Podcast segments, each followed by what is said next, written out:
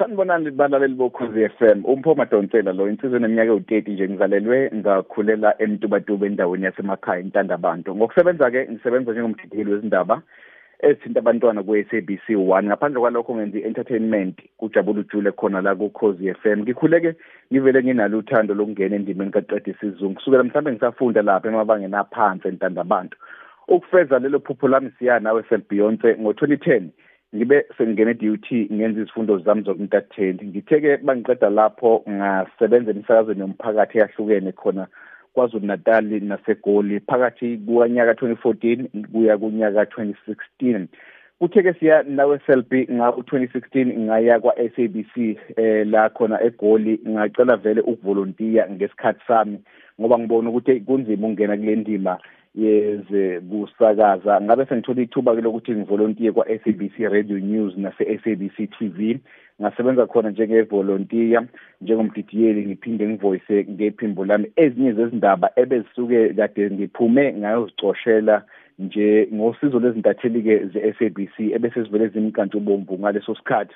Kwathi-ke ngo-2018 ngabe ke sengiqashwa njenge-freelancer ngididiyela uhlelo lwezindaba i-Kids News.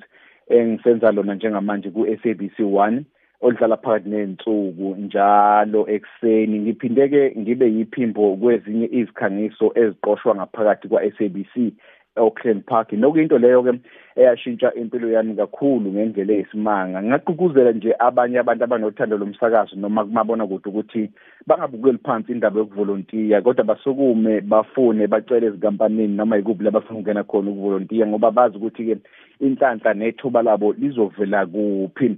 Imali kulomsebenzi khona ke selbeyonce nawe siya umubekezela nje ngoba umdidiyelo zezinhlelo zikamabona kude ku-SABC 1 ngenyanga.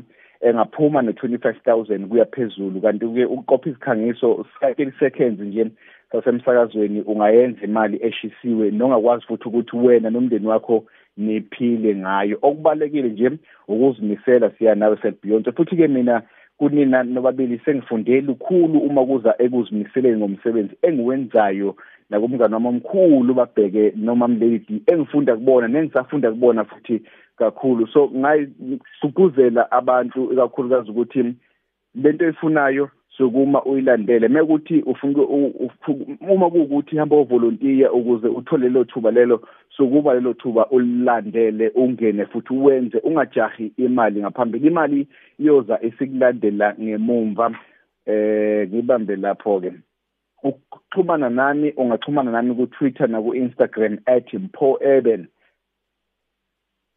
azi noma ngishaye